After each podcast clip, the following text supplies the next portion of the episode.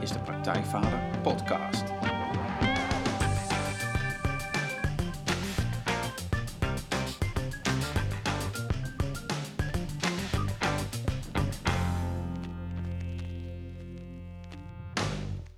Welkom bij een nieuwe aflevering van de Praktijkvader Podcast. Jeroen hier en goed dat je luistert. Zoals elke aflevering interview ik een inspirerende gast die jou verder gaat helpen bij de volgende stap in je vaderschap.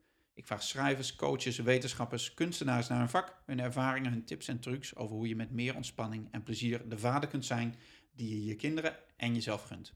En vandaag is psycholoog en seksuoloog Gertjan van Zessen te gast. Welkom Gertjan. Welkom. Ja. ja. Um, Gertjan, ik introduceer je kort even. Um, Gertjan van Zessen is, is in Nederland misschien wel de expert als het gaat om uh, seksverslaving. Al meer dan 30 jaar heeft hij een praktijk als seksuologisch therapeut. En in zijn praktijk behandelt hij de laatste jaren voornamelijk mannen die niet per se overmatig veel aan seks doen, maar over hun seksuele gedrag weinig controle meer hebben. En 80% van de mannen die hij behandelt heeft een pornoverslaving. En Gert-Jan zegt zelf daarover, nou, een deel van de vele mensen die bij me op bezoek komen lijkt echt op verslaafden. Ze moeten scoren, anders worden ze gek. Maar de meeste zijn niet zo. Ze kijken helemaal niet zoveel porno, maar lopen er toch in vast. Sommigen hebben gewetensbezwaren of merken een negatief effect op hun seksleven. Sommige mensen ervaren het porno kijken van hun partner als overspel. Kortom, mensen voelen zich niet meer de baas over hun eigen seksleven. En dat controleverlies, daar gaat het bij mij om. Nou, nu is misschien niet iedereen die porno kijkt verslaafd, maar vaak heeft porno, internetporno, wel invloed op je relatie. Zeker als er stiekem over gedaan wordt. Schaamte, schuldgevoel, spijt, je voornemen om ermee te stoppen, maar dat toch niet te doen, daar wordt je relatie en überhaupt je leven niet leuker van. En het heeft een groot effect op de manier waarop je over jezelf denkt. En gebrek aan zelfwaardering is een belangrijk thema in het werk van Gertjan. Nou, Gertjan uh, schreef meerdere boeken over seks en seksverslaving, wordt in tientallen artikelen in de Volkskrant Trouw, de Groene Amsterdammer geraadpleegd als expert en is vaste medewerker van Psychologie Magazine op het gebied van relaties en seksualiteit. En hij is vader van een inmiddels volwassen dochter. Ja, in dit gesprek gaan we het hebben over seksverslaving, wat het is, wat het niet is, internetporno, hoe het onze relaties en ons dagelijks leven beïnvloedt, maar ook hoe we überhaupt met seksualiteit omgaan in onze relaties en hoe we met onze kinderen, uh, daar hoop ik in ieder geval dat we daar ook aan toe komen, hoe we met onze kinderen over seks en intimiteit zouden moeten praten. Nou, Gert-Jan, uh, dat is de introductie. Herkenbaar. Ja, dat is fijn. fijn. hey, om te beginnen, laten we even met, met, het, met het laatste beginnen. Uh, jij bent vader van een volwassen dochter. Ja. Um, jij zit al tientallen jaar in dat vak met, als, als seksoloog, als psycholoog. Uh, wat vind jij nou een goed moment om te beginnen uh, praten over seks, seksualiteit met je kinderen? ZSM. ZSM. Okay. ZSM. En, en, en kun je daar iets over zeggen van, van hoe dan? En...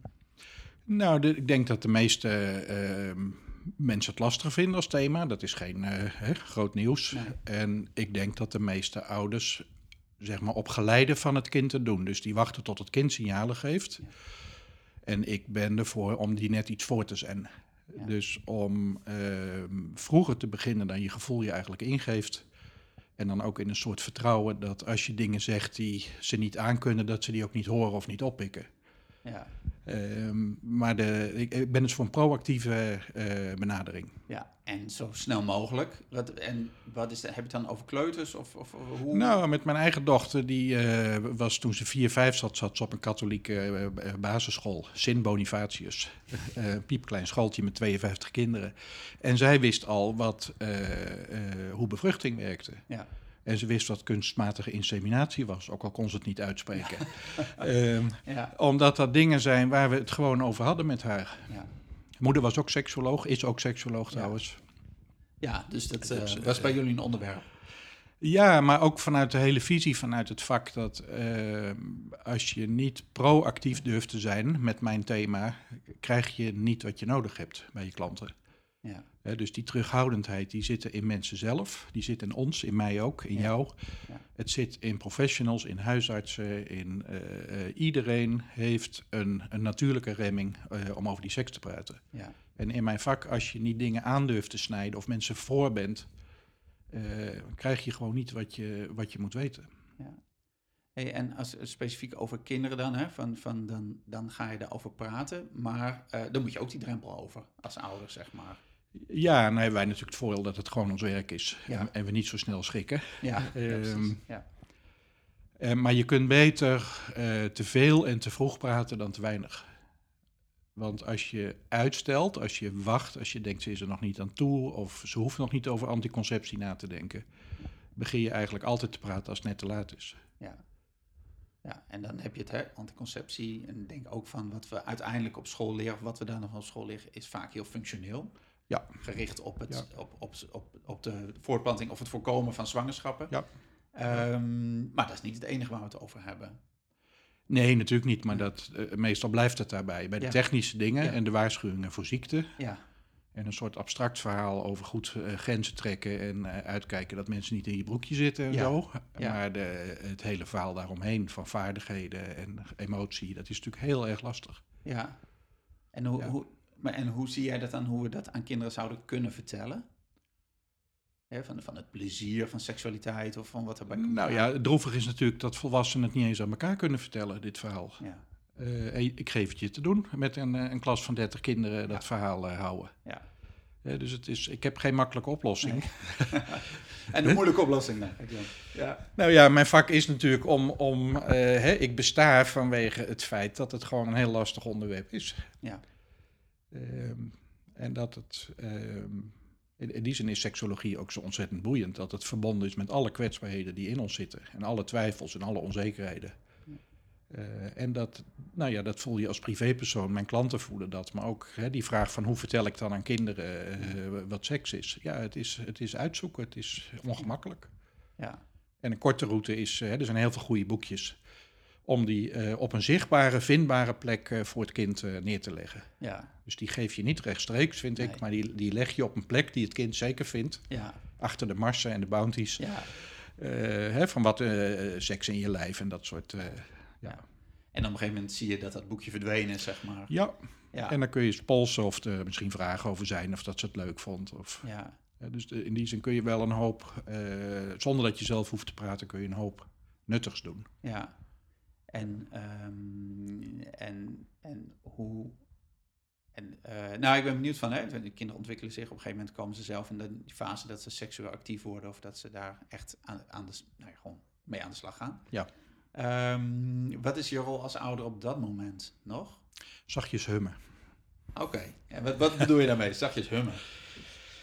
Nou ja, dat is een gouden tip ehm, die we zelf ooit gehad hebben. Dat eh,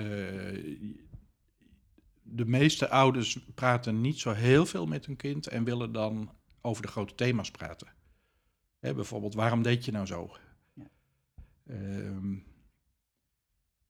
of heb je hieraan gedacht? Of, en ehm, als het gaat over hun eigen seksualiteit, ehm, ben ik voor omdat een soort passieve aanwezigheid. Eh, in de zin dat je aan kan geven dat als ze vragen hebben, dat ze bij je terecht mag. Wat ik ook een erg goede vind, is dat je zelf vertelt over hoe lastig je het zelf had toen je 13, 14, 15 was. Oké. Hè? Ja. Dat ik dingen niet durfde vragen aan opa. Of dat oma heel stom deed toen ik een keer vroeg wat masturbatie was. Ja. Eh, hè, oma schrok zich een hoedje. Ja. Ehm, het is meer het eh, voortdurend herhaald aangeven dat je beschikbaar bent. En goede gesprekken over of die vriend wel bij de past, of, of ze wel oplet, of, eh, of ze wel uitkijkt. Dat zijn allemaal van die zinloze. Hè, daar hadden we zelf ook niets aan. Nee. Nee. Nee, want dan heb je al een bepaald idee als puber of zo, zeg maar. En, Ja. ehm, Ja. ja. Dus dat, eh, ehm, en ik maak natuurlijk ook, ik maak heel veel mensen mee hier die nooit eh, met seks hebben gepraat over hun ouders. Ja. Omdat dat, ik denk dat het in 70% van de gezinnen gaat het spastisch of niet. Ja, of er staat een sanctie op. Ja. En je hebt natuurlijk ook de, eh, de vrije ouders die, die wel uitgebreid praten. Hè? Moeders die vriendin zijn met hun dochter. En dat is ook niet goed. Oké. Dus er is een soort fijn evenwicht tussen eh, eh, zachtjes hummen en beschikbaar zijn. Ja. En werkelijk het gesprek aangaan. En, en is het dan vanuit jouw idee van als je zachtjes humt, dat als het kind vragen heeft, dat hij dan die makkelijker kan stellen? Als, of, Ja, ik denk dat ehm, toestemming geven dat dingen besproken moeten worden, dat dat ontzettend belangrijk is. Dus niet zozeer wat je zegt of wat je vraagt, maar dat je voortdurend aangeeft dat het een onderwerp is wat er mag zijn. Ja. Ik ben dan seksoloog, mensen komen bij mij met seksgerelateerde klachten, Ja. maar ik heb het eigenlijk opvallend weinig over echt seksdingen met ze. oké. En mijn werk zit er veel meer in dat het eh, genormaliseerd wordt hier. Dus dat ik durf te vragen als ik wat wil weten. Ja. En niet omdat ik nieuwsgierig ben, of dat ik precies moet weten waar ze dan naar kijken, bijvoorbeeld, hè, Ja. qua porno. Of, maar dat zij voelen, ik kan dat uitspreken zonder sanctie. Ja. En dat is met kinderen werkt dat ook zo. Je hoeft ze geen dingen bij te brengen. Je kan ze veel beter een boekje geven voor de technische dingen. Ja. Maar het is veel meer de, eh, de beschikbaarheid. Oké. En dat vraagt dus van jou als ouder ook, eh, nou ja, wat je in het begin al even kort zei, van dat je, dat je een soort drempel over moet of zo. Dat je dat, Ja. je dat ook aanbiedt, dat je Ja. beschikbaar bent daarover. En misschien zelfs dat je ook zegt dat je een drempel voelt. Oké. Hè? Ja. Ja, en dat maakt het ook wat menselijker of gewoner.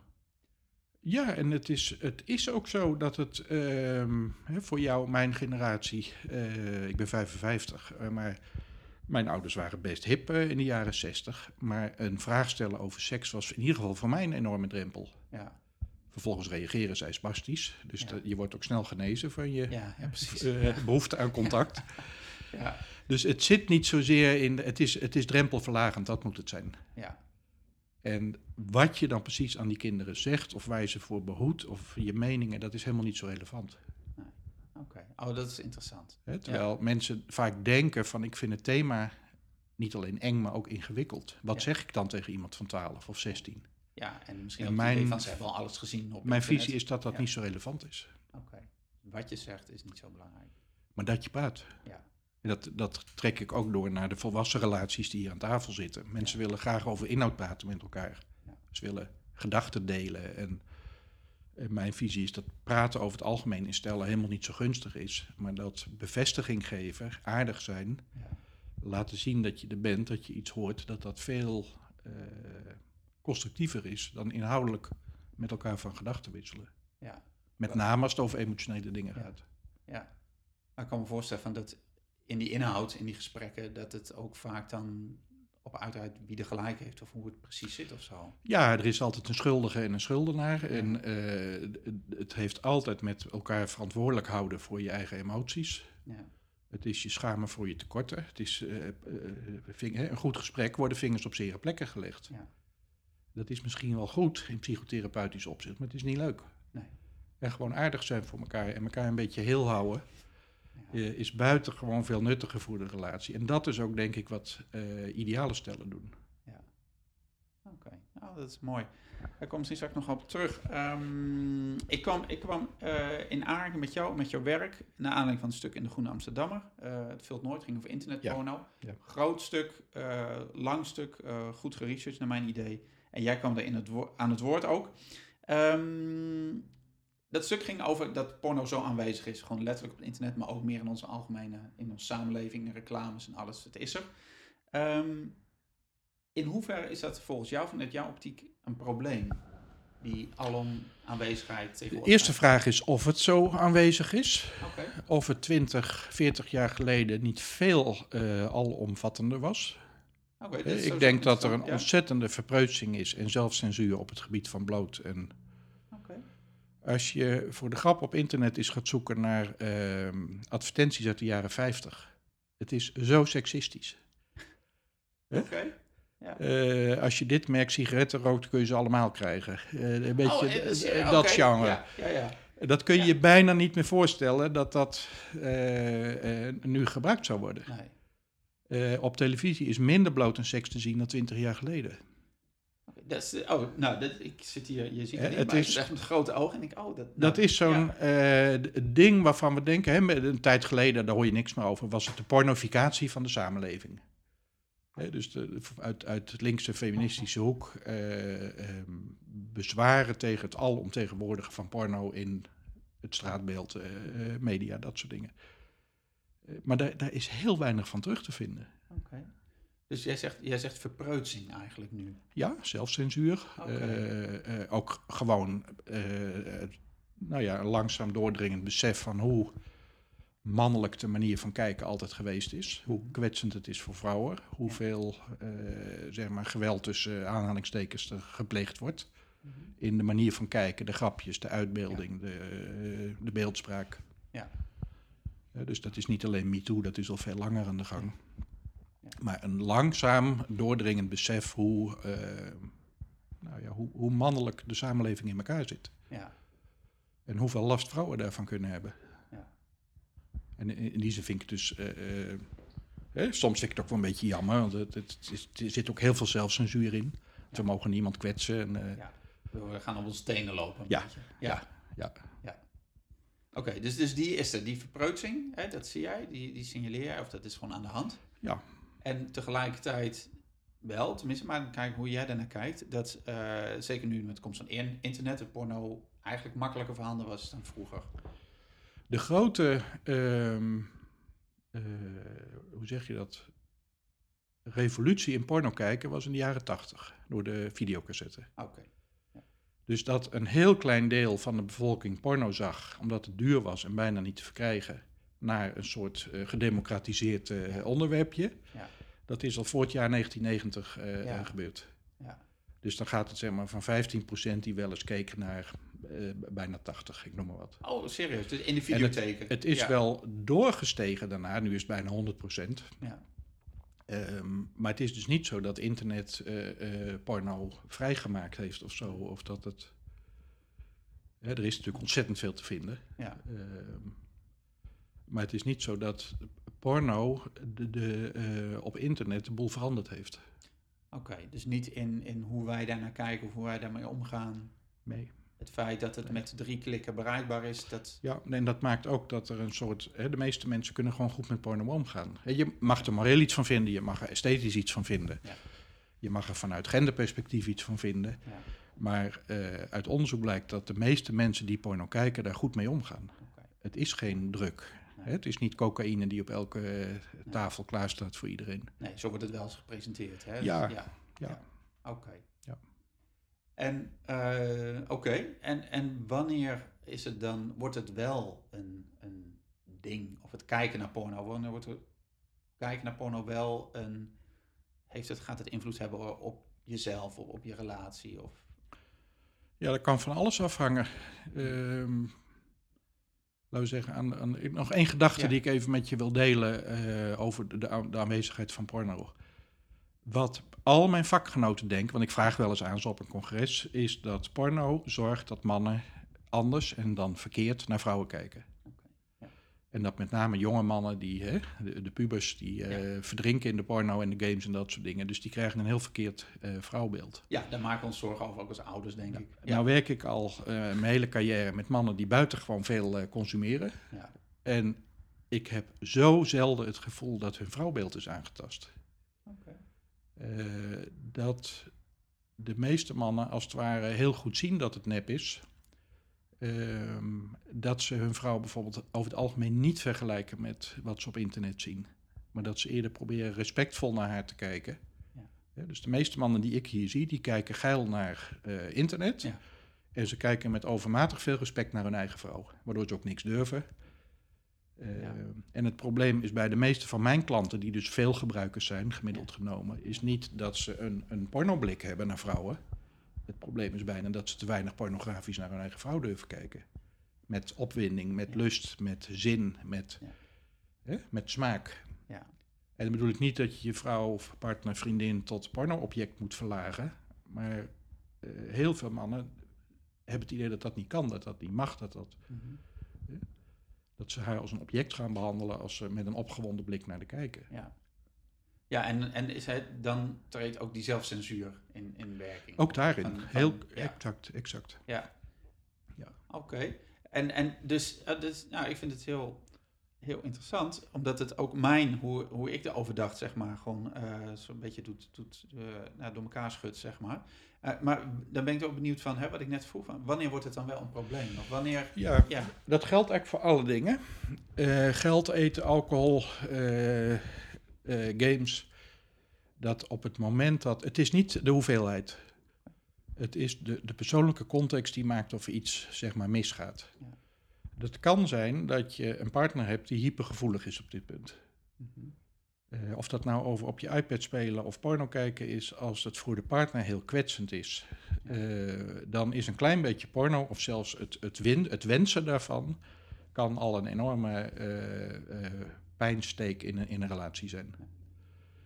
eh, mensen die om eh, geloofsredenen eh, aan de ene kant zijn het gewoon biologische mannen, dus ze willen graag kijken naar plaatjes. Aan de andere kant willen ze goed christen zijn of goed moslim en Ja. ze verfoeien zichzelf om dat gedrag. Ja. Dan, dat zijn mannen die soms één keer in de maand een fotootje kijken op de telefoon. Ja. Hè, dus dan zit het, pro- het probleem zit niet in de stof zelf, in het aanbod. Het zit in van hoe pakt iemand dat op. Eh, op het moment dat je erover moet gaan liegen omdat je je schaamt en het weg wil houden, je wil niemand kwetsen, hè, vanuit de beste bedoelingen eh, gaan zwijgen, ja, dan begint er iets ingewikkelds in te komen.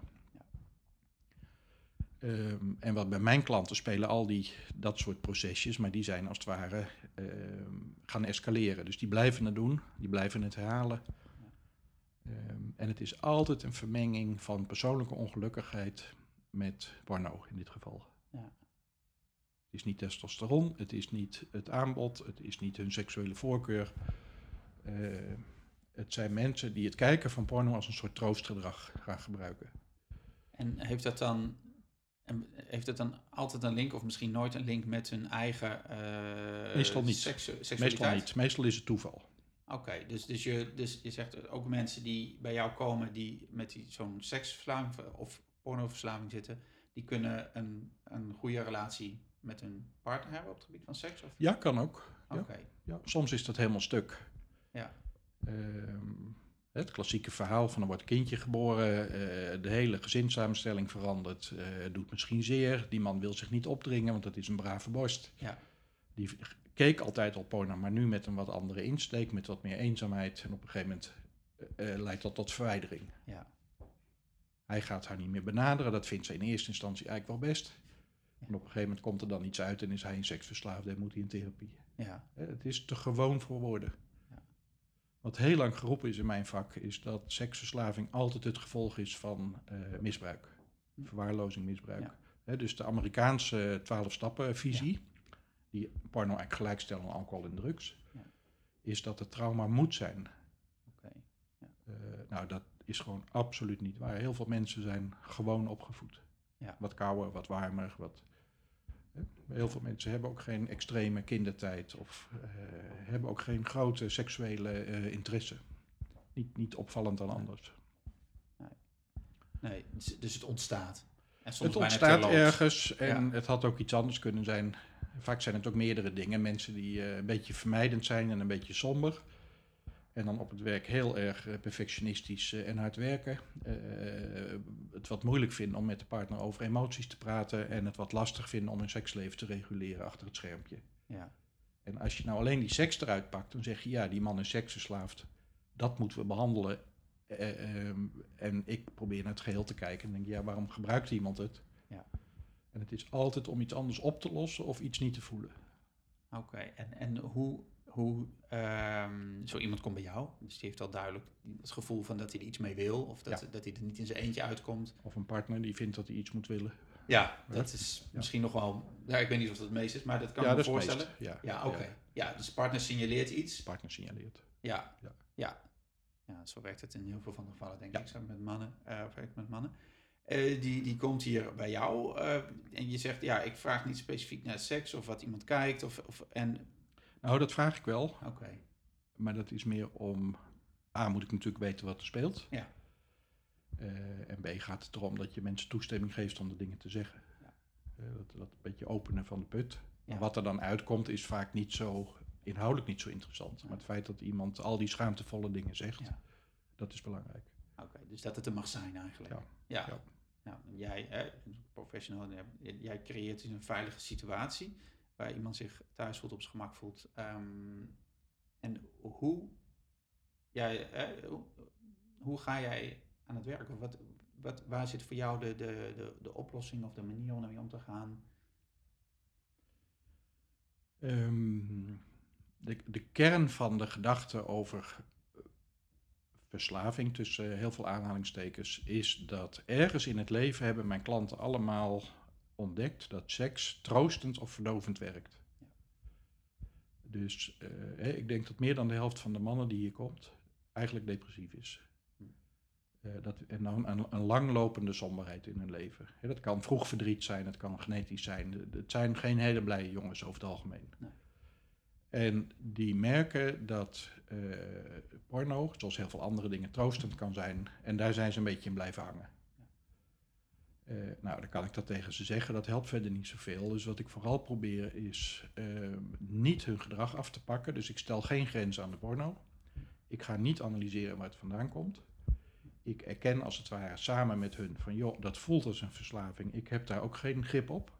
Dus ik geef geen enkele tip om dat te stoppen. Of te beheersen of te snappen. En wat ik vanaf het begin probeer te stimuleren is dat ze dingen gaan doen die iets aan het oorspronkelijke probleem doen. En dat is eigenlijk altijd dat ze zich niet heel erg prettig voelen in zichzelf. Ja. dat kan depressie zijn, eenzaamheid, niet tevreden je werk. Het kan van alles en nog wat zijn. En wat ik eigenlijk probeer is ze stapsgewijs dingetjes te laten doen, waardoor ze wat, sorry, wat uh, zelfstandiger worden, wat uh, beter voelen, wat beter naar zichzelf kijken. Maar jij eh, niet van die techniek of hè, wat je nu ook veel in, in, in Amerika ziet, of ook onder jonge mannen, zeg maar, tijden niet masturberen. Nee, daar ben ik ernstig tegen. Oké, want hè, dat is nu ook een trend, hè? Of het ja, komt op. No Nut November, ja. Ja, ja precies. Dus, dus geen porno kijken, niet masturberen, dat, dat is allemaal niet waar jij... Nee. Uh, waarom ben je daar zo fel op tegen? Ik, ik werk mijn hele carrière vanuit een, een positieve visie op uh, seks. Uh, ik bedoel, het is mooi spul, seks. Het is, ja. uh, hè? Net als pizza. Een slechte pizza is nog steeds goed weg te krijgen. Dat is met seks ook. het, is, het moet een bron van vreugde en plezier zijn. Het is een hele goede manier om contact te maken met, uh, met je partner. Ehm, dus dat is wel een soort basisgedrag. en alles gaat maar over ziekte en dood. En alles wordt maar moreel gemaakt.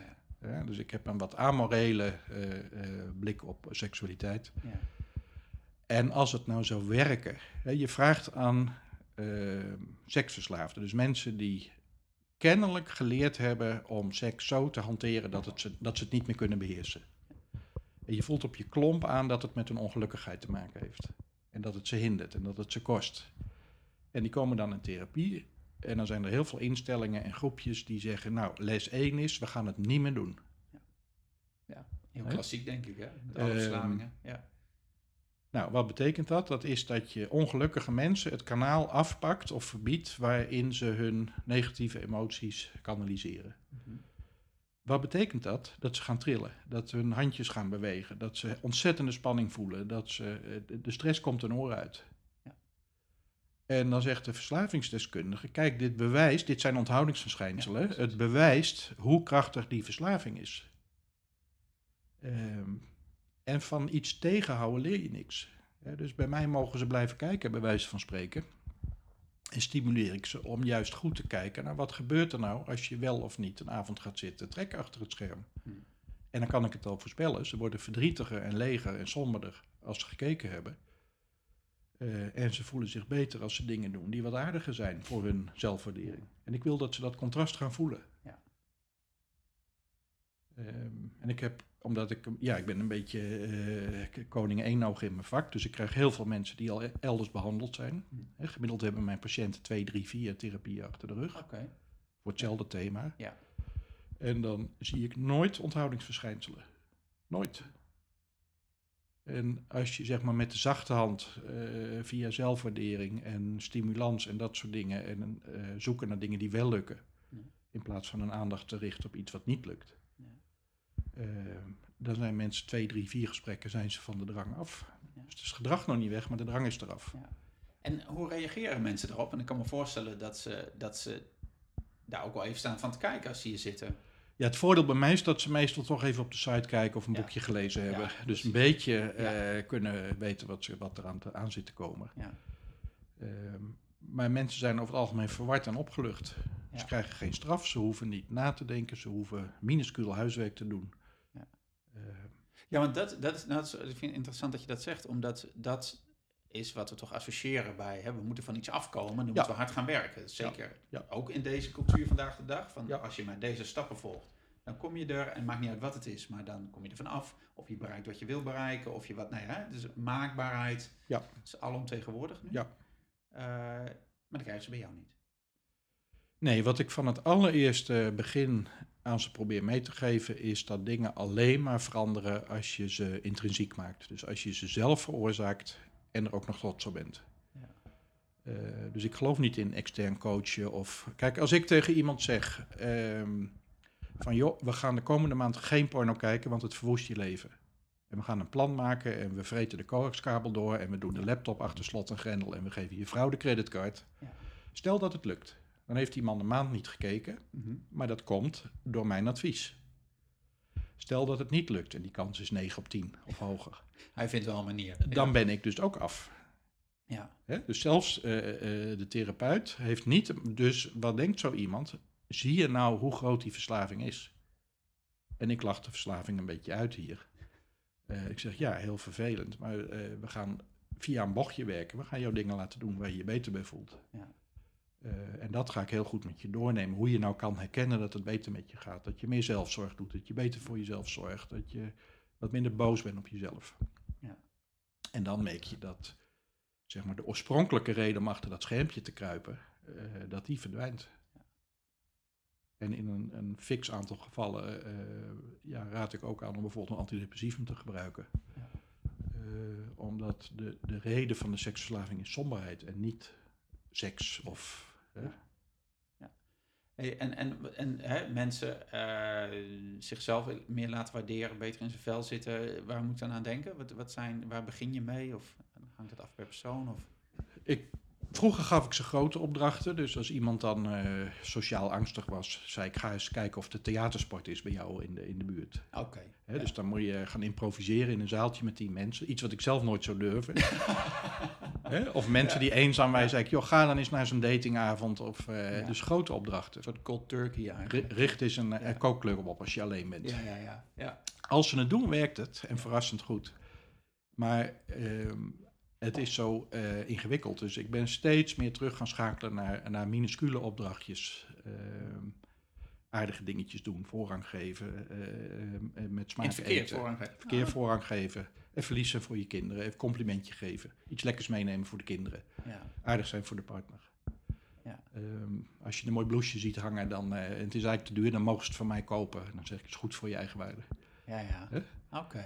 En op de een of andere manier, het is niet probleemgericht, het is, ehm, hè, ik probeer ze te activeren tot dingetjes doen die goed zijn. Mhm. Ehm, en op de een of andere manier zet dat iets in werking bij die mensen, waardoor ze zelfredzamer worden en meer initiatief nemen en minder uitstelgedrag plegen. Ja. Net even eerder de stofzuiger pakken of de. eh, Ja. en de kunst is om ze te laten zien dat dat gebeurt. Dus dat hè, mensen wat actiever maken, dat is, daar draai ik mijn hand niet voor om. Ja. Maar jou als patiënt te laten inzien dat je je beter voelt omdat je actiever Ja. bent, dat is heel ingewikkeld, Oké. vreemd genoeg. En wa- waarom is dat ingewikkeld? Omdat wij. ehm nou, er zijn een heleboel antwoorden op mogelijk. Ja. Ons gevoel van tevredenheid ehm, is slecht ontwikkeld. Laten we zeggen, biologisch gezien hebben wij niet zoveel bedrading en structuren in ons lijf om tevreden te zijn met onszelf. Ja. Ons stresssysteem, ons vermogen om on- ongeluk te voelen en risico te voelen en somberheid eh, te ervaren, of je geërgerd te voelen of last te hebben van de drukte of alle prikkels, is extreem goed ontwikkeld, biologisch gezien. Dus geluk is veel lastiger op te roepen dan ellende. Mhm. Dat is voor iedereen, ook voor de meest gelukkige mensen ter wereld. Maar mijn klanten zijn niet de gelukkigste ter wereld. Dat zijn mensen die vaak een vlek-op-vlek verhaal hebben van eh, dingetjes die niet goed gaan. En een nare jeugd en misschien wat nare ervaringen als puber. Ja. En misschien een genetische gevoeligheid voor somberheid. Hè? Dus een, een depressief iemand is iemand die gespecialiseerd is om negatieve emoties toe te laten. En voor wie aardige observaties eigenlijk onecht voelen. En dat is niet omdat ze stom zijn of onwillig. Het is omdat dat is wat depressie met ons lichaam doet. Ja. Complimenten komen niet meer binnen. Hè? Ik denk mooie herfstkleuren. Zo'n patiënt denkt, ja, dat is omdat die bomen doodgaan. Ja. Hè? Oké. Dus een totaal andere blik op de wereld. Het licht gaat op rood. Ik denk, oh, kan ik even de radio eh, aanzetten? Iemand anders denkt, oh, ik word weer afgewezen. Is mijn hele leven al, ik wil dood. Hè, in vier stappen ben je bij Ja. suïcide. Ja. En dat is geen eh, denkstoornis van die mensen of onwil.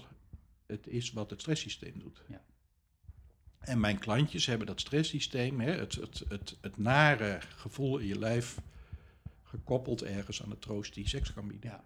En dat is, dat is helemaal ontspoord, dat systeem. Ja. Ja. Hey, en, en er zijn, weet je, eh, jij zei net al van niet iedereen die porno kijkt, of die veel porno kijkt, is seksverslaafd.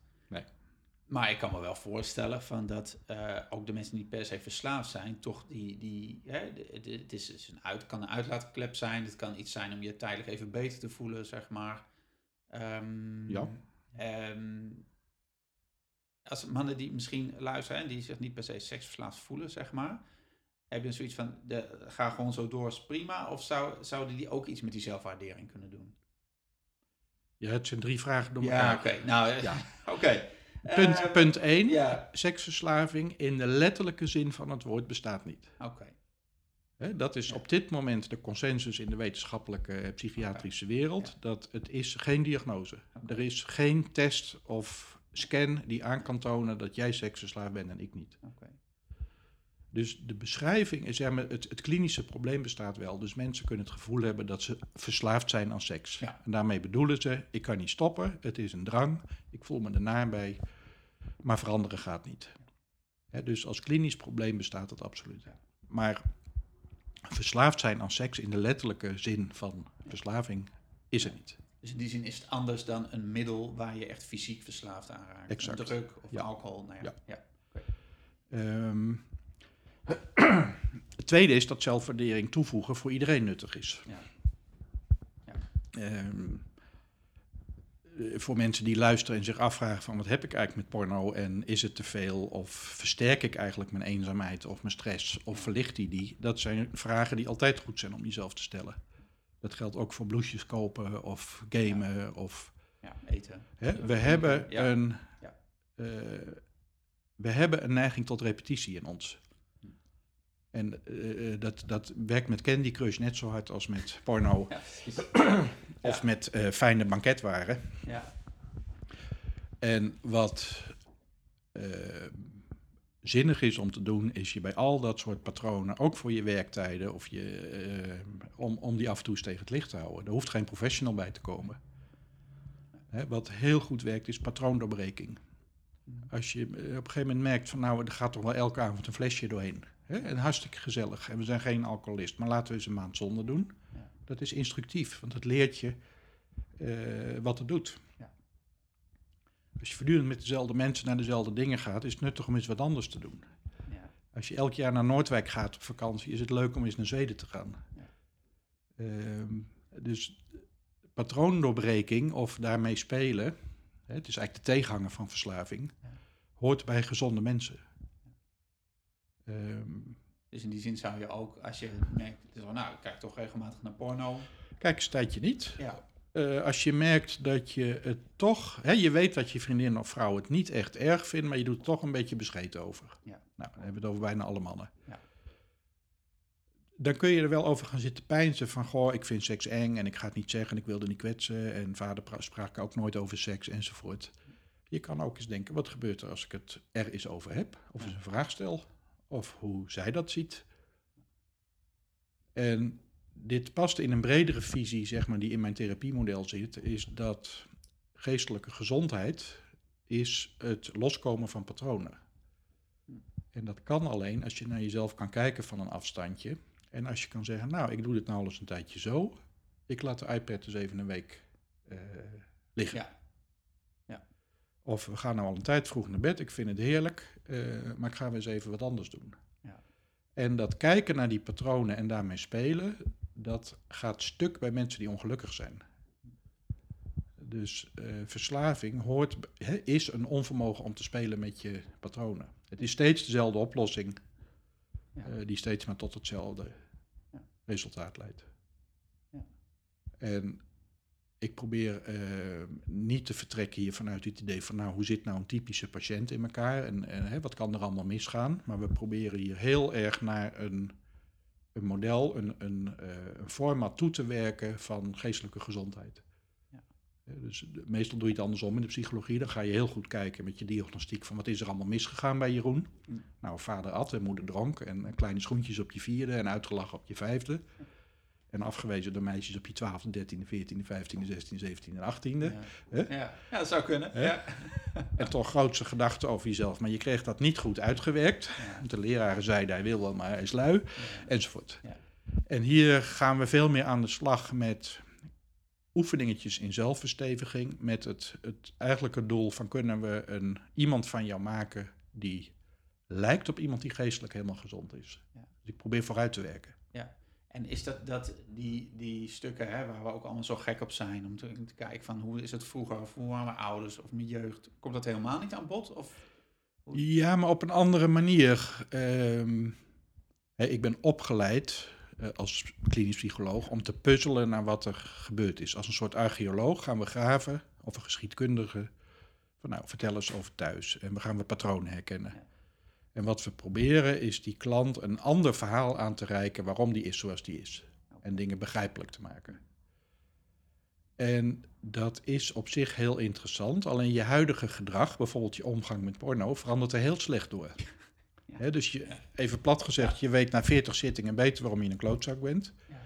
Maar actuele beheersing van ga ik nu porno kijken of gezellig beneden bij het gezin zitten, dat heeft niets te maken met eh, die hele ballast van vroeger. Het heeft wel een verband, maar geen direct verband. Dus wat ik mensen probeer te leren is, eh, als je zin hebt om te gaan wandelen, sta dan op en ga wandelen. Ja. En het grappige is, als je, eh, oh, ik heb, ik heb al gedoucht, maar ik, ik heb eigenlijk zin om nog te douchen. En dan denk ik, ga dan. Ja. En dan moeten ze zichzelf een schouderklopje geven, letterlijk. Ja. En denken, hé, hey, dat is goed voor mijn zelfwaardering. En mensen die dat soort kleine stapjes oefenen, die stappen ook makkelijker bij de pc vandaan. Ja. Of die hebben een leuk contact eh, in het café met de meid. En dan denken ze, hé, hey, vroeger had ik nu doorgezet. Ja. En nu geef ik er een drankje en ik zeg, hartstikke leuk. Eh, hier is een foto van mijn vriendin. Ja. Eh, het was fijn met jou, bedankt, maar ik ga niet door. Ja. En dat heeft te maken met dat vermogen om je patroon te veranderen. En dat je dus niet, ook niet op zoek gaat naar, niet meer naar die beloning of wat, wat dat zou kunnen zijn, zeg maar. Je zegt, Nee, dus ik, hè, ja, En als mensen zeg maar gaan zoals we- ik wil dat ze gaan, namelijk dat ze zich meer gaan gedragen als een goed gehechte, stevige, verantwoordelijke volwassene, met empathie en inzicht en mildheid naar zichzelf en minder boos, dan zie je dat ze ook met een andere blik naar hun eigen geschiedenis kijken. Dus inzicht is, volgt als het ware op de therapie en niet andersom. Ja. Normaal ga je dat inzicht met ze eigenlijk voorkouwen. Ik ben benieuwd, eh Gert-Jan. eh, je zei net al iets, iets over hè, de, de stel krijgt kind. eh, nou ja, het seksleven verandert, zeg maar. En dat kan zo voortkabbelen totdat, nou ja, tot dat het helemaal geen seksualiteit meer is in de relatie. Ehm, hoe zie jij dat of wat zou je adviseren aan stellen? En dat zijn, veel mannen die maar ook in de training zitten, zeg maar. Die hebben jonge kinderen. eh, er verandert iets in het, in het leven. Hoe, is het belangrijk om die seksualiteit te onderhouden? Dat is denk ik de eerste vraag. En de tweede van, als dat zo is, hoe doe je dat? Ja, ja dat is vaak een vraag hier. Ja. Ehm, wat ik doe met stellen bij wie het vrij lastig geworden is, door vermijding of angst of ingewikkeld of dat soort dingen, ehm, daar zie je vaak dat ze eh, een steeds nauwere definitie van seks gaan gebruiken. Hè, dus meestal is seks is dan met erectie en eh, geslachtsdelen heen en weer bewegen, neuken enzovoort. Ja.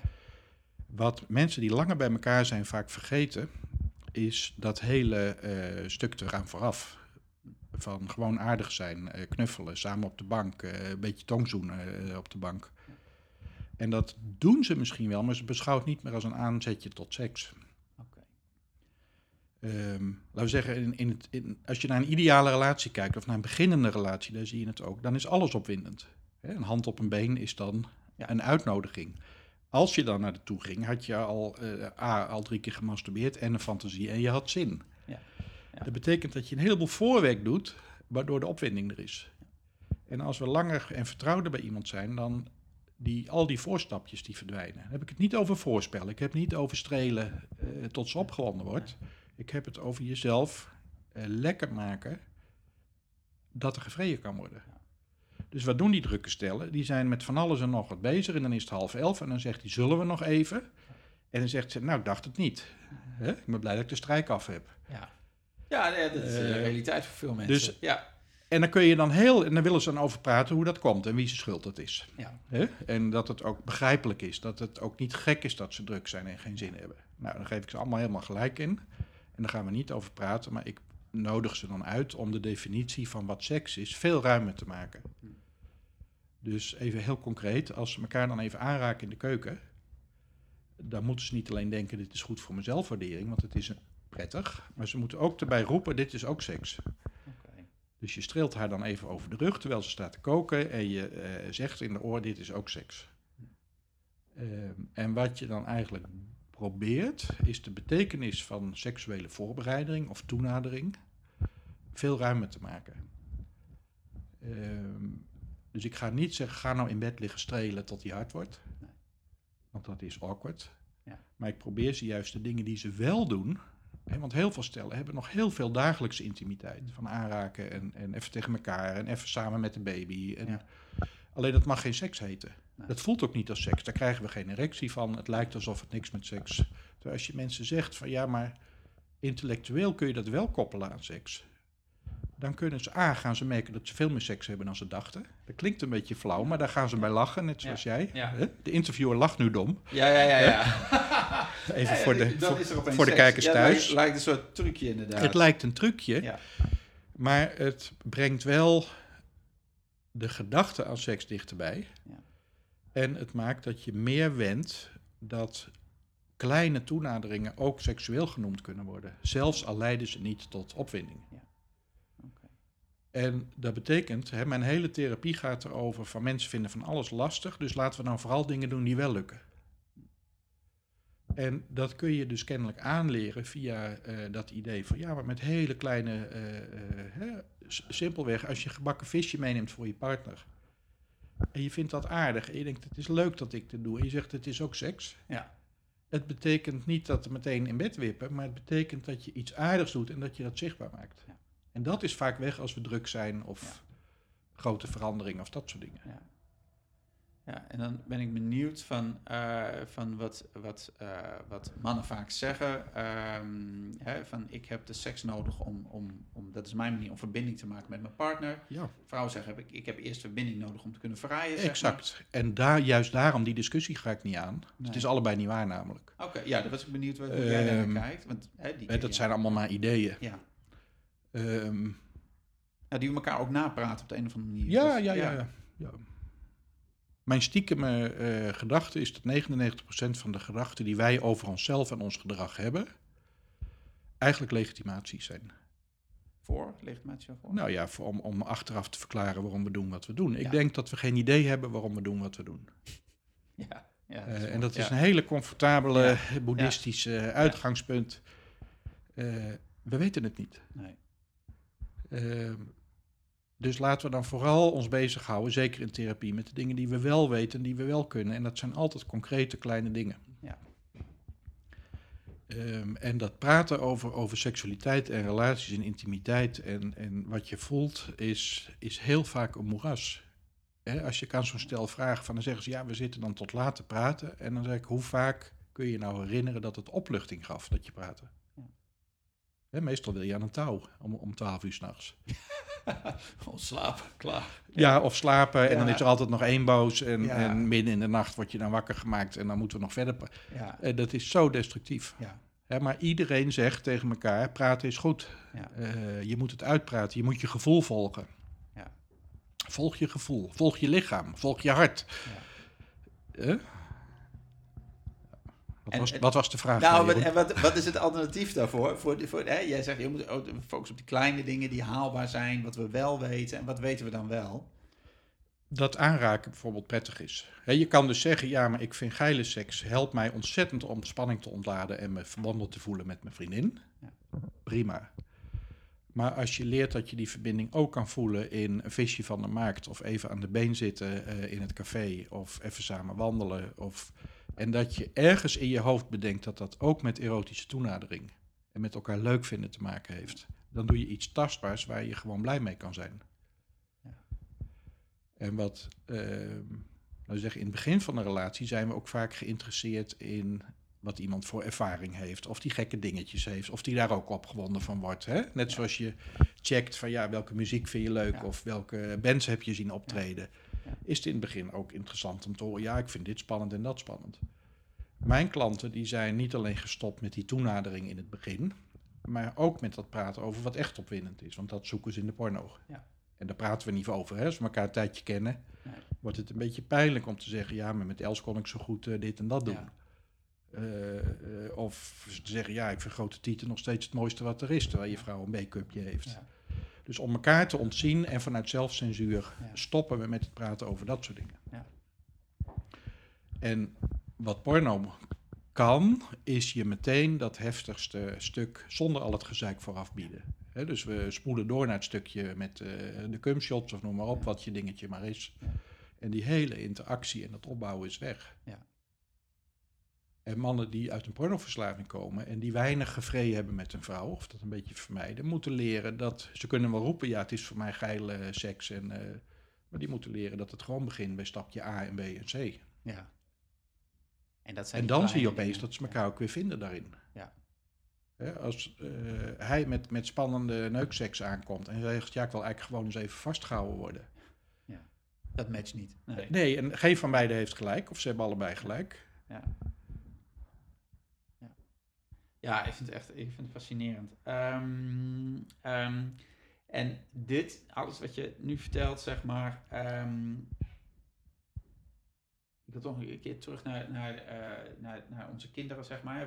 Jij, jij leert dit aan mannen, of vooral aan mannen, zeg maar. Of aan En vrouwen, ja. Ja, ik zie vooral stellen hè, hier. Ja, als stellen. Wat, wat voor effect heeft het, misschien nog los van de seksuele ontwikkeling van de kinderen, maar van, van wat verandert het als die ouders weer een, een fijnere, een gezondere seksuele relatie hebben, zeg maar? Wat doet dat in het, in het gezin? Waarom is dat belangrijk? Ik weet niet of dat in het gezin zoveel doet. Wat eh, echt iets doet, is als die mensen leuk met elkaar omgaan. Ja. Hè, een uitkomst van zo'n therapie waarbij seks lastig is, kan ook zijn dat ze accepteren dat het er niet in zit. Hm. Dat ze wel een seksleven hebben, maar niet zo spannend of uitgebreid of liefdevol als ze hopen. Ehm, dat kan ook ruimte geven. Maar wat ik het belangrijkst vind als je zegt wat is het effect op het systeem, op de kinderen, dat ouders gewoon aardig doen. Ja. Het simpelweg het luisteren, het niet afkatten, het niet oude koeien. Het, wat ik ook altijd probeer, zeker als ik een stel heb, is om die dingetjes ook op hun kinderen toe te passen. Het is gewoon aardig gedrag. Verwennen, verpesten, Ja. dingetjes geven. Ja. Hè, als je Ja. drie kinderen hebt en de oudste is, is een lastig jongen, die zit steeds die kleintjes op de nek. Dan zeg ik tegen die mannen, want die gaan dan opvoeden. Hè? Dus die gaan hun eigen irritatie botvieren op dat kind. ja, en Dat noemen ze opvoeden. Ja, ja, Ja. ja. ja, ja. Het is meestal dat je zelf loopt te zeiken. Dan zeg ik, pak zo'n jongen er nou eens uit. En dan zeg je, kom jij maar eens even mee. En dan ga je ijs voor hem kopen en dan krijgt hij drie bolletjes. Ja. En waarom? Omdat je je zusjes loopt te treiteren. Ja. En dan is de pedagogische boodschap komt drie keer harder aan dan wanneer je gaat lopen zeiken dat het niet mag. Ja. Dat is nou namelijk precies de reden waarom hij het doet. En dat weet hij ook. En dat weet hij ook. Ja. Misschien niet bewust, maar Ja. dat... Ja. Hè? Ja. Dus jij zegt gewoon, wees wat aardiger eh, voor je kinderen. ook. Eerst voor jezelf. Ja. Hè, mensen zijn zo streng voor zichzelf. Ja. En onaardig en kritisch, wij ook. Ja. We voelen ons zo ongemakkelijk als we trots zijn op dingetjes. Hè, we zijn de eerste die het lek schiet. Ja. Ehm, als mensen hier zeggen, goh, wat heb je een mooie tuin. Dan vind ik dat ook, want ik ben gek op... De, ik, ik zit hier fantastisch. Maar ik ga niet zeggen, ja, ik zit hier fantastisch. Want misschien hebben ze zelf maar een tuintje van 4 bij 4. Dus hè, zelfcensuur. Ja. Ik ga een beetje mompelen of zeggen, ja, het is wel veel werk. Ja. Eh, dus we zijn zo eh, onhandig om tevreden te zijn met dingen. En hoe doe, hoe doe je bij jezelf, Gert-Jan? Hoe zorg jij dat je, dat je ehm, die, die zelfwaardering, zeg maar, hè, met alles wat je weet van, en dat je zegt, ja, ik doe dat ook nog steeds. Ja, ik doe dat tientallen keren per dag. Probeer ik mezelf A, uit de depressie te houden en B, eh, eh, me voortdurend te realiseren wat ik hier ook wijs zit te maken aan mensen. Ja. Dat er zoveel onrust is in ons systeem en om ons heen. En dat het zo nuttig is als je voelt dat je daaruit kan blijven. Dat, hè, als ze met een mes voor je staan, moet, eh, dan moet je bang zijn. Maar verder zijn er heel weinig situaties in ons leven waarin we echt angstig hoeven zijn. Maar we zijn voortdurend opgefokt. Ja. En dat wordt alleen maar erger. Ja. Ehm, als je bedenkt hoeveel prikkels wij meer hebben dan onze ouders of grootouders, dat is. Wij maken in twee dagen mee wat mijn opa in, in 50 jaar aan prikkels. Ja. Dat, dat is niet overdreven, dat is En daar is ons hoofd niet op gemaakt. Nee.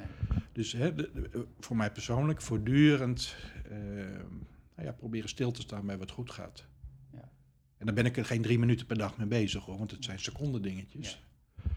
En bij iedere irritatie die je voelt, toch denken, ja, dit is, het is goed dat ik dit zie. Hè, dat is mijn mantra, het is goed dat je het ziet. Dat je doorziet wat je aan het doen bent Dat eigenlijk. je ziet dat je lijdt, dat je ziet dat je je ergert, dat, eh, dat Ja. je niet lekker wakker wordt, dat je partner loopt te zeiken. Ja. Dat je te veel praat of te weinig. Of, ehm, Want als je het niet doet, dan, dan is die er ook. dan escaleert het. Ja, precies. Want dan stapelen ze die dingen zich op op een gegeven moment. Of, Ja. Ja. Dus de- de- dat is de grote lijn in, in mensen met veel zelfwaardering. Denk even aan de Dalai Lama of de Boeddha of noem maar op. Ja. Eh, het is altijd lastig om publieke figuren te vinden met veel eigenwaarde. Ja. Eh, maar ik vermoed dat de Dalai Lama van binnen tamelijk rustig is en niet zoveel agressie voelt. Dat zijn mensen die voortdurend, eh, die hebben net zoveel stress als wij, alleen die kunnen ze beter ombuigen. Hm. En als je het wat neutraler zegt, psychische gezondheid is niet dat je geen stress hebt of geen slechte gedachten of porno niet geil vindt of niet gekwetst bent als kind. Geestelijk gezond is dat je dat kunt verdragen. Ja. En dat is eigenlijk wat, waar het steeds over gaat hier. Ja. Dat mensen zeggen, ja, maar ik heb heel veel pijn van vroeger. En dan eigenlijk zeg ik tegen ze, is goed dat je dat ziet.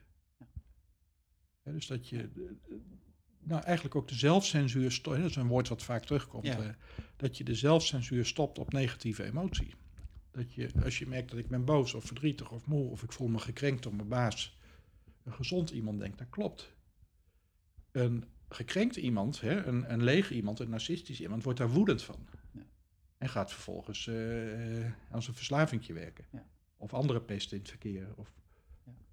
Dus het is het absorberen van stress. En dan kun je eh, allerlei linken leggen naar, naar hè, de hoeveelheid burn-out bij jonge mensen. En, en gewoon het, dat het leven zwaar en complex is en dat soort dingen. Ja, want en jij zegt, hè, je zegt over die prikkels, dat is ook niet zomaar veranderd. Dat is in deze maatschappij of in deze wereld waar we nu leven, is dat heel erg. Ja. Dus dat, wordt een, dat is een hele grote uitdaging waar we allemaal voor staan. Ja, ja. ja. En, en hoe zouden we daar meer... eh, kunnen we die prikkels omlaag krijgen? Of is het, Nee, dat, dat heeft geen enkele zin. Nee. Oké. Er zijn natuurlijk heel veel, eh, nou ja, toch, ik denk dat dat een breed gevoelde gedachte is, dat we negatieve processen in ons leven naar beneden moeten brengen. Dat het goed zou zijn als de porno wat meer achter slot en grendel zat, bijvoorbeeld. Of dat we dingen moeten censureren of Zwarte Piet wegsturen. Of dat er is een heel sterk besef in ons, en dat is biologie denk ik, om de nare dingen weg te nemen. En dat, dat, ja, dat probeer ik totaal te negeren hier. Te zeggen, ja, shit happens en het Ja. is druk. En het is net zoiets gaan zitten hopen. Ik hoop dat de A1 zo leeg is om vijf uur. Nou, good luck. ja, ja, precies. Ja, hopen binnen En wat je ja. mensen wel kan leren, Ja. is dat eh, het inderdaad stress geeft als die vol staat. Maar dat over het algemeen het goed gaat. Ja. Ja, Eh, precies. en dat is iets wat, wat, laten we zeggen, kinderen van gelukkige ouders wat meer meekrijgen. Ja. En wat kinderen van koudere ouders of onhandige ouders of drukke ouders, ja, dat zijn de kinderen die hier in de stoel zitten eh, uiteindelijk. Hè, de Ja. wat licht verwaarloosde, eh, drukke mensen die druk zijn met zichzelf. Ja. Ja, en dat is nooit ook echt vanuit hun ouders de tools hebben gekregen of die Nee. waardering om, ze, om daarmee om te gaan. Nee. Hè, wat, wat eh, een koude opvoeding, hè, een, een, die tot een slechte hechting leidt, wat dat eigenlijk is, is dat als het kind blij is met iets, dat dat niet gezien wordt of genegeerd of afgestraft. Hmm. Oh, ik wil op gitaar. Ja, het geld groeit op mijn rug. Ja. Of het kind is drie jaar en zit in een karretje in de supermarkt en wordt langs alle verlokkingen gereden en het zegt, mag ik die? En die moeder zegt, nee, we gaan zo eten. Hè, het zijn de gewoonste dingen. Ja, Dat zijn dan de leuke dingen die gefrustreerd worden. Wat leert dat kind? Ik kan beter niet te veel willen, want ik krijg op mijn flikker. Als een kind onzeker is, angstig, eh, eh, dingen lastig vindt, in die slangenkuil van school moet elke dag. En je zegt er iets over in een koud gezin, dan wordt het uitgelachen of verergerd. Sla dan terug. Je laat je toch niet pesten. Ben je homo of zo? ja, Mietje, wat ben je toch een klier? En Wat ben je lastig? Leer het maar. Hè? Ik durf niet te slapen. Ja, eh, hup. ja, Dus wat je kinderen eigenlijk leert in een, in een onaangename opvoedingssituatie, is dat hun positieve emoties er niet toe doen. En dat hun pijnen beter niet geuit kunnen worden. En ik heb het idee dat we bij meisjes veel toleranter zijn voor negatieve emotie dan bij jongens. En dat jongens, zeker van, van onze generaties, niets hebben meegekregen om met die negatieve emotie om te gaan. Tenzij je heel veel geluk hebt met Ja. lieve ouders. En, Ja. Ja. Dus dat krijg je voor volwassenen. Dat zijn mensen die net zo slim zijn als de rest, maar onvermogend zijn om hun negatieve emoties nou ja, te herkennen, te kanaliseren. Dus die worden bij alles boos wat ze voelen. Ja. Het, het extreme voorbeeld, mensen die narcistisch lijken of zijn. Als je daar iets zegt wat ze niet bevalt, ontploffen ze. ja. En heb jij het altijd gedaan? Dat heeft de ander gedaan. Ja. En, en dat is een extreme vorm van niet om kunnen gaan met ja, negatieve sensatie in jezelf. Ja, en ik moet denken van eh, nou, wat jij net zei. ehm, was een paar weken terug was, ehm, was Esther Perel bij de Wereld Draait Door. Ja, En, ja. en, en, en, nou ja, sinds die aflevering van Zomergast is half Nederlands fan van helemaal is, allemaal in Esther zijn we. Ja, ja, ja, Ja. precies. Ja. En, maar wat mij opviel, van, op- in dat stukje had ze het ook over, en ik moet aan denken, omdat je dat zei over jongens en meisjes, zeggen we, van, van, wij, op een gegeven moment gaan we meisjes knuffelen nog wel en jongens niet meer, zeg Klopt, maar. Dat, dat gaat hier ook over. Ja. En, en dat, dat het doorwerkte, dus ook die man... En we troosten jongens niet. Nee, en we troosten ze niet, ja. En, ehm, en zij heeft het, nou ja, het is mooi, dat, dat, dat moet op de kaart zetten, zodat die mannen nu, hè, dat we gewoon daar meer mee om kunnen gaan, of beter mee omgaan en met elkaar over praten. Of, maar wat, wat zie jij wat, wat die volwassen mannen nu nodig hebben, zeg maar? De mannen die nu vader zijn, of de mannen die nu volwassen zijn, zeg maar. Is er zoiets nodig als het jaar van de man? Of, ehm, Oh, alsjeblieft niet. nee, oké. Nee. Een dagje hoogstens. Internationale mannen. Nee. Nee. Dan moet, krijg ik meteen van die, van die marketingbraak naar je. Ja, ja, ja, precies. Ja. Ja. ja. Maar, maar is er iets wat jij ziet van, ja, maar dat zouden mannen kunnen doen of meer kunnen doen? Of, en je hebt ook al een aantal dingen al genoemd, maar... Nou ja, ik doe eh, zeg maar op kleine schaal wel mijn steentje bijdragen aan. En dan blijft eigenlijk hetzelfde verhaal als naar kinderen eh, en relaties. Dat aardig gedrag wint. Hm. Ehm, dat komt uit, uit alle experimenten en dat soort dingen. Dat een zekere mate van krediet geven eh, naar jezelf, naar de ander, naar je kind. Dat, dat is de, eh, de troef. Dat wint. Ehm, en dat kun je mensen leren. Dus wat ik ze leer hier is eerst van doe het eens naar jezelf. Dan doe het eens in de relatie. En ten derde doe het eens naar je kind. Eh, en je kan het gewoon oefenen. Dat als je bij een cashier of receptionist of je komt ergens binnen en je zegt gewoon simpelweg iets aardigs. Dat doet iets met iemand. Het doet iets met jezelf. En dat, dat is leerbaar gedrag. En ik heb zo vaak gedacht hoe kloterig het is dat we dat op de lagere school of de middelbare school niet, niet leren. Ja. We krijgen niets aangereikt als kind over hoe je je eigen zelfwaardering kunt bevorderen. We krijgen wel voorgehouden dat dat via externe dingen gaat. Al Ja. die meiden met die, die belachelijke wenkbrauwen en, en die Instagram-bekjes Ja. en alles met sport en stoer en een petje op en een gouden ketting en een grote bek geven. Dat zijn allemaal modellen dat je extern eigenwaarde kunt. Hè? Respect noemen ze het dan. Ja, Maar je krijgt geen enkele handreiking van hoe kun je nou zelfrespect creëren. En dat, dat kun je mensen dus leren. Ik doe dat in vijf, zes gesprekken. ja, Zie je mensen ontzettende voortgang maken met een oefening die aan een vierjarige is uit te leggen. ja, En er zijn ook collega's die, die met het model werken. Eh, Het vat van zelfwaardering, die met, met kleine kinderen of met mensen in de instellingen, met autistische jongens Ja. van 17, waar niks mee te beginnen is, die je toch kunt leren om wat aardiger voor zichzelf te zijn. Op het moment dat ze dat kunnen, zie je dat de scherpe kanten in het sociale gedrag eraf gaan. ja, Het is aardigheid. ja. En dat begint dus wat je zegt, hè, met aardig naar jezelf zijn. Ja, met, Ja. met eh, en wat heel veel mensen nog wel kunnen, is een soort eh, passieve acceptatie naar zichzelf. Daarmee bedoel ik, ze weten wel dat ze nurk zijn of niet zoveel praten of eh, wat somber. En dan zeggen ze, nou ja, het is, het is nou eenmaal zo. Zo ben ik. Hè, zo ben ik. Ja, Ik weet ook wel een beetje hoe dat komt.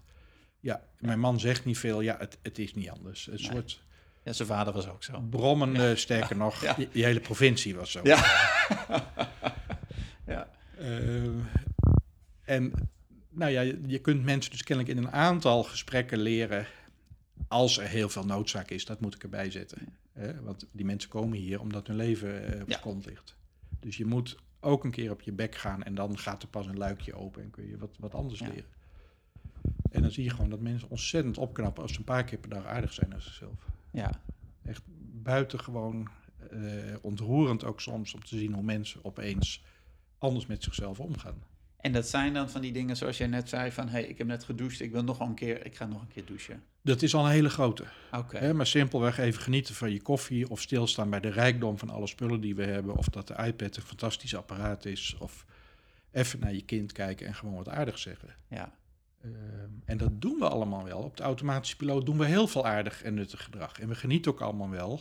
Maar op het moment dat je daar even wat extra accent aan geeft, hè, bij mij moet dat dan met een schouderklopje, ja, ehm, zie je dat mensen zich letterlijk realiseren hoeveel dingen er goed gaan. ja, En als je ons hoofd de vrije loop laat, eh, is het hoofd vooral bezig met wat niet goed gaat. Ja. En dat geldt, dat werkt in jou, in mij, in iedereen die je kent. ja, dat kennen we allemaal, ja. Ehm, hè, en wat, wat jij zegt, van jou kunnen we iets doen aan mannen. Eh, nou ja, dat, dat zou dan mijn programma Ja. zijn. Dat je kinderen leert, jongens en meiden, ehm, dat zelfwaardering te creëren is. ja. In plaats van dat je een soort willoos slachtoffer bent. En dat mooie meiden veel meer waardering krijgen dan jij als eh, hè, met je grote tanden of je oren. Of je, Ja, dat, dat is hoe het nu werkt. ja, natuurlijk. Ja. Ja. Oké, mooi. hey, zijn een hoop, hoop, hoop voorbij gekomen, Gert-Jan. Eh, ik heb ehm, ja, even een paar korte vragen en dan gaan we zo afronden. Ehm, is er, ehm, even totaal ook, is er een boek wat jij eh, fijn vindt eh, om cadeau te geven aan anderen? Een boek wat, wat dat kan, mag over seks, seksualiteit gaan, mag ook totaal over iets anders gaan. Maar zeggen, hé, hey, maar dat is zo fijn. De zin een beetje te verzetten of... Ik ben zelf een. ehm, ik haat psychologische boeken. Inclusief die van mezelf. dus ik raad ook nooit iemand aan om dat boek te lezen. Oké, eh, zelfs als ze het in therapie willen. Ik doe het nou niet. waarom mogen ze je boek niet lezen? Ik, ehm, ik heb een allergie voor de psychologische taal. Oké, dat is dus ingewikkeld, want ik heb natuurlijk taal nodig om, om de ideeën te verspreiden en om in therapie met mensen te praten. Maar het, het falen, als één ding is wat ik geleerd heb in, in mijn psychologische carrière, is dat taal zo'n ontzettende verraderlijke, valse, eh, machteloze tool is. oké. Ehm, dus als ik een boek aanraad, is het meestal iets van eh, Bill Bryson bijvoorbeeld. Een, een eh, ontzettend slimme journalist, een Brit, die heeft een boek geschreven, eh, A Brief History of Everything, die Oh, alle, ja, alle ja, natuurwetenschappen samenvat. Ja. Daar heb je wat aan. Oké, dus Ja. dat, dat mag je lezen. Dus niet Esther. Perel, maar Nee, nee. Nee.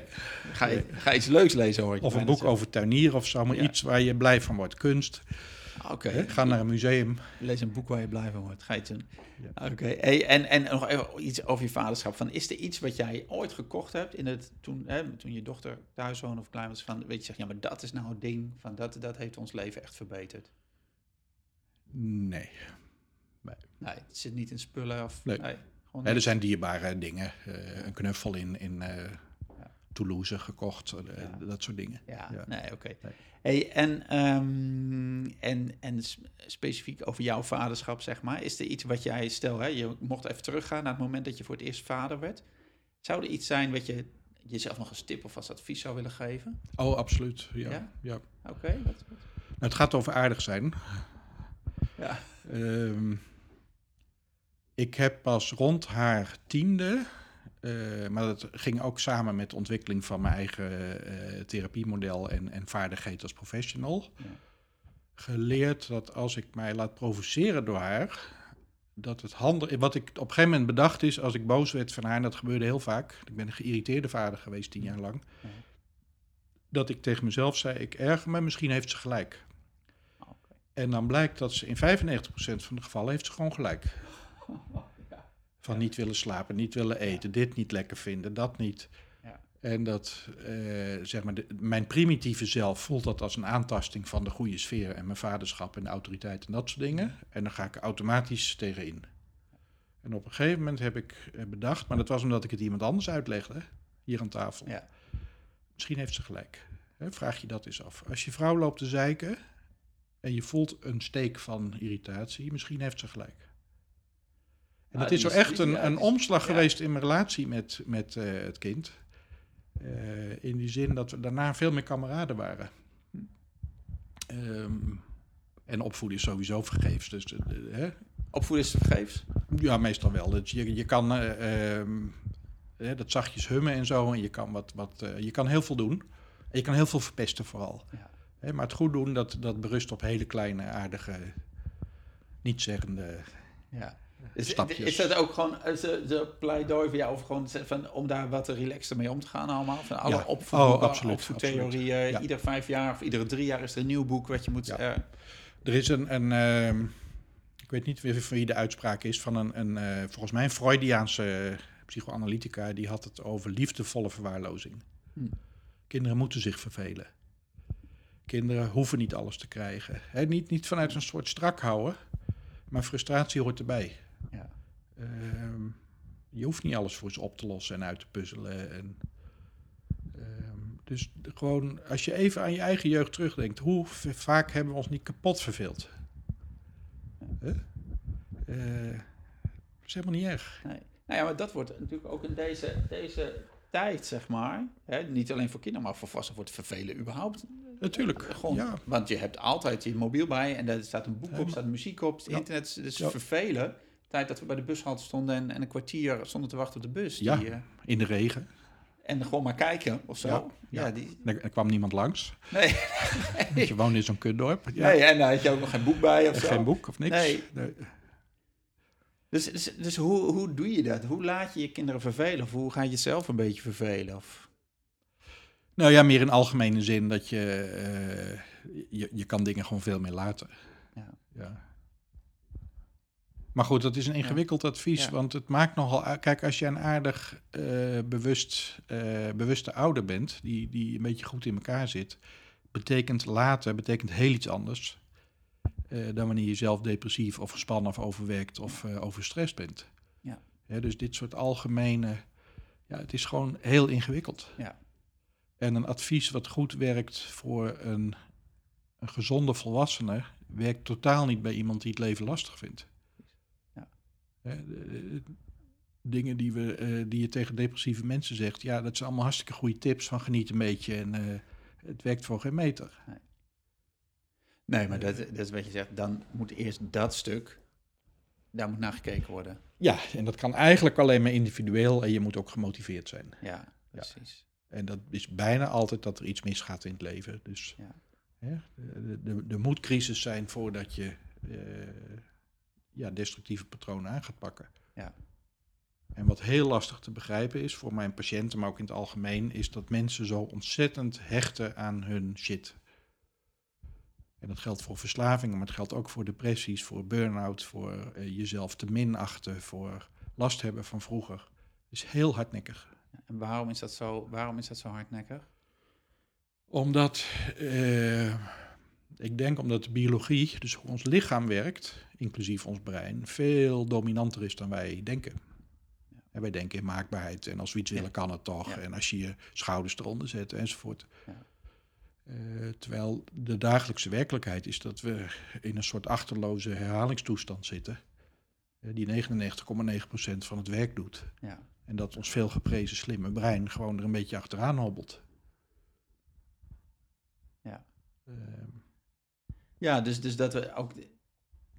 We zitten erin, zeg maar. In die trein, of hoe we het doen, zeg maar. Ja, en we kunnen heel weinig sturen.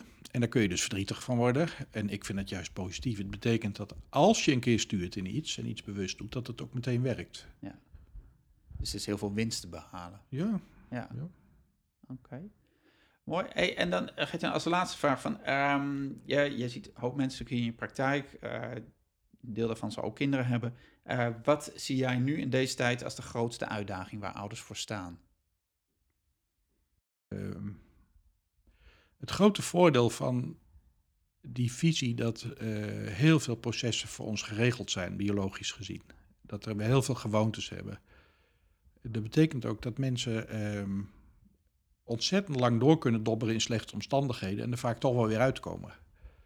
Dus ik heb ook wel een soort vertrouwen in uh, dat heel veel porno op 16-jarige leeftijd, dat het grote gros van de kinderen daar wel weer doorheen komt. Uh, ik, ik, werk met mensen vanaf 16. Nou, dan zit je vaak met beroepskeuze en school gaat niet. Het zijn natuurlijk niet de paaltjes die hier komen. Het zijn kinderen bij wie wat misgaat. En dan van die, die ouders op de achtergrond die dan willen dat nu de goede keuze voor de opleiding. En ik denk altijd, dat komt wel. Hè, en soms moet je een zijstraat in en dat, dat hele idee dat alles doelgericht en op tijd. En, en ik, ik heb er wel een soort vertrouwen in dat de meeste mensen wel terechtkomen op een plek die bij ze past. En dat de meeste kinderen de grootste shit van de opvoeding wel doorstaan. Hè, alleen er zijn altijd natuurlijk, nou ja, de, de, de verliezers, de mensen met wie het echt heel zwaar gaat. Hè, die ook ons beeld vormen over wat een slechte opvoeding doet. Ja. Maar je zegt over het algemeen is misschien de uitdaging om, om als ouders wat relaxter erin te staan. Of Ja, en te snappen dat je heel veel dingen niet hoeft te beheersen en niet Ja. kunt beheersen, maar dat de, de duwtjes de goede kant op, hè, Ja. dat nutje de goede kant op, Ja, eh, dat dat ehm, zo ontzettend veel scheelt. Dat heb je met een opleiding of een school ook. Dat, hè, school is natuurlijk voorkomen kut, een middelbare school. Voor niemand leuk, ook voor die leraren niet. Eh, en soms heb je een leraar die in die zee van gedoe, die net even jou eruit pikt, of je een zetje geeft, of je iets laat lezen, of iets goedkeurt, waar je eh, ontzettend veel plezier van hebt. Ja. En dat is met opvoeding ook. Dat die, die nutjes, die positieve kant op, dat zijn vaak de, eh, denk ik, de, de, de dingen die kinderen ook eh, onthouden. ja. Mooi. En die misschien soms ook gewoon bijna onbewust gaan. Dat je zelfs niet eens weet. Ja, nou ja, dat, ik hou, ik hou meer van bewust. Maar, Ja, ja, snap ik. Als ouders. Ja, Nou ja, wat misschien mooi is als slot om, om hè, mijn mantra is, wat ik mijn klanten steeds meegeef, is dat je moet leren zeggen dat het goed is dat je ziet dat je wat meemaakt. Dus dat moeten ze eerst oefenen bij leuke dingen. Hè, thee, koffie, douchen, voorrang geven. Op het moment dat ze dat kunnen, moeten ze het ook toepassen bij nare emoties. Dus als je agressief wordt in het verkeer en je hebt zin om erop te klappen, dan moeten ze van mij zeggen, oké, ik ben nu woedend, het is goed dat ik het zie. Ja. Een soort milde reactie op agressie of verdriet of pijn. En mensen vinden dat een stom opdrachtje, omdat ze zeggen, ja, maar ik voel me helemaal niet blij als ik dat zie. Nee, maar het is wel goed dat je het ziet. dat is iets anders. En dan Ja. probeer ik ze het belang uit te leggen. En dan geef ik altijd als voorbeeld van, hè, dat over kinderen. Stel dat je dochter van 16 eh, opeens in de kamer staat en zegt: Pap, mam, ik moet wat heel ergs vertellen. Ik ben zwanger van Ragit, de drugsdealer. En we gaan naar Afghanistan. Ik ga het kind houden. Ik, hè, of je zoon van 11 zegt: Pap, ik moet je wat vertellen. Ik lig de hele nacht wakker. Ik wil dood. Nou, dingen waar je de moed van in je schoenen zakt. Zou je, en dan wil je van alles zeggen. Waar woont Ragit? En stel je niet aan. En eh, ik heb verdomme niet voor niks over anticonceptie met je. Ik wist het, ik wist het. Hè? Hm. Eh, dat zijn de emoties die dan de overhand hebben. Ja. Zou je op dat moment zeggen van oké meid, als eerste, wat goed dat je dit zegt. Had ik niet gedurfd bij opa. Dan doe je een nudge op een belangrijk moment die dat meisje haar hele leven zal onthouden. Die waarschijnlijk de grootste herinnering is aan dit moment. Want dat we boos zijn als ouders, dat weet ze wel. Ja. Maar dat je zegt, wat goed dat je het zegt. Ja. Dat je tegen je zoon zegt, wat gaaf dat je het zegt, man. Ja. Ik, dat had ik niet gedurfd bij opa. Dus je begint met een, een compliment. En daarna komen die emoties wel, van zorg en dat soort dingen. Maar wat blijft hangen is die eerste reactie. Mooi. Mooi. Dus als je dochter zwanger is of je zoon eh, verdrietig, Ja. goed dat je het zegt. Goed dat je het zegt. Dankjewel, Gert-Jan. Dat is een mooie afsluiting van dit Alsjeblieft. eh, interview. Super. Ja. Hey, bedankt voor het luisteren als je nu luistert. Ehm, fijn dat je er was. Deze aflevering vind je terug op eh, de website praktijkvader.nl slash podcast. Eh, maar ook op Spotify, Apple Podcast en Stitcher kun je gratis abonneren, downloaden, alles. Eh, of gewoon dus via de website www.praktijkvader.nl slash podcast. Ik zal ook de linkjes eh, naar het werk van, van Gert-Jan eh, erop zetten over het vat van zelfwaardering, zijn website en nog veel meer. Ehm, en voor nu, heb het goed. Tot de volgende podcast en tot ziens. Voordat je gaat wil ik je graag wijzen op twee belangrijke dingen. Het eerste is het Praktijkvader Podcast Werkboek. Dit fijne mini-werkboek gaat je helpen om alle inspiratie uit de interviews een beetje te onthouden en ook om te zetten in concrete stappen naar de vader die je wilt zijn. Aan de hand van vijf eenvoudige, maar belangrijke vragen haal jij de essentie uit elke aflevering en vertaal je die naar acties die het verschil gaan maken in het leven met je kinderen, je partner, je werk en alles wat er nog meer speelt. Je kunt deze handige en printbare PDF eenvoudig downloaden op www.praktijkvader.nl slash podcast. En zo kun je meteen aan de slag met de belangrijkste inzichten uit deze aflevering. Veel succes en veel plezier ermee. Nou, wat ook goed om te weten is dat je vanaf nu ook supporter kunt worden van de Praktijkvader podcast. Want de Praktijkvader podcast is 100% gratis, 100% advertentievrij en dat blijft ook zo. Maar dat betekent niet dat het niks kost om die interviews af te nemen, te bewerken en online te delen. En om investeringen in apparatuur, software, hosting, reiskosten, andere dingen te dekken, zijn bijdragen van luisteraars meer dan welkom. Nou, als jij de Praktijkvader podcast waardeert, kun je nu eenvoudig, eenmalig een donatie doen. En je laat op die manier je waardering blijken voor de inspiratie die je via de podcast krijgt. En je levert een bijdrage aan een uniek platform met waardevolle gesprekken over betrokken, authentiek en buiten de kaders vaderschap. Je helpt mij om de kwaliteit van de podcast te verhogen en de inspirerende interviews te verspreiden naar nog meer vaders. Nou, op www.praktijkvader.nl slash podcast kun je eenvoudig je donatie van 10, 25, 50 euro doen. Of je bepaalt natuurlijk gewoon zelf de hoogte van je donatie, want dat kan natuurlijk ook. Nou, alvast ontzettend bedankt en heb het goed. En ik zie je, ik hoor je bij de volgende podcast. Oké, doeg!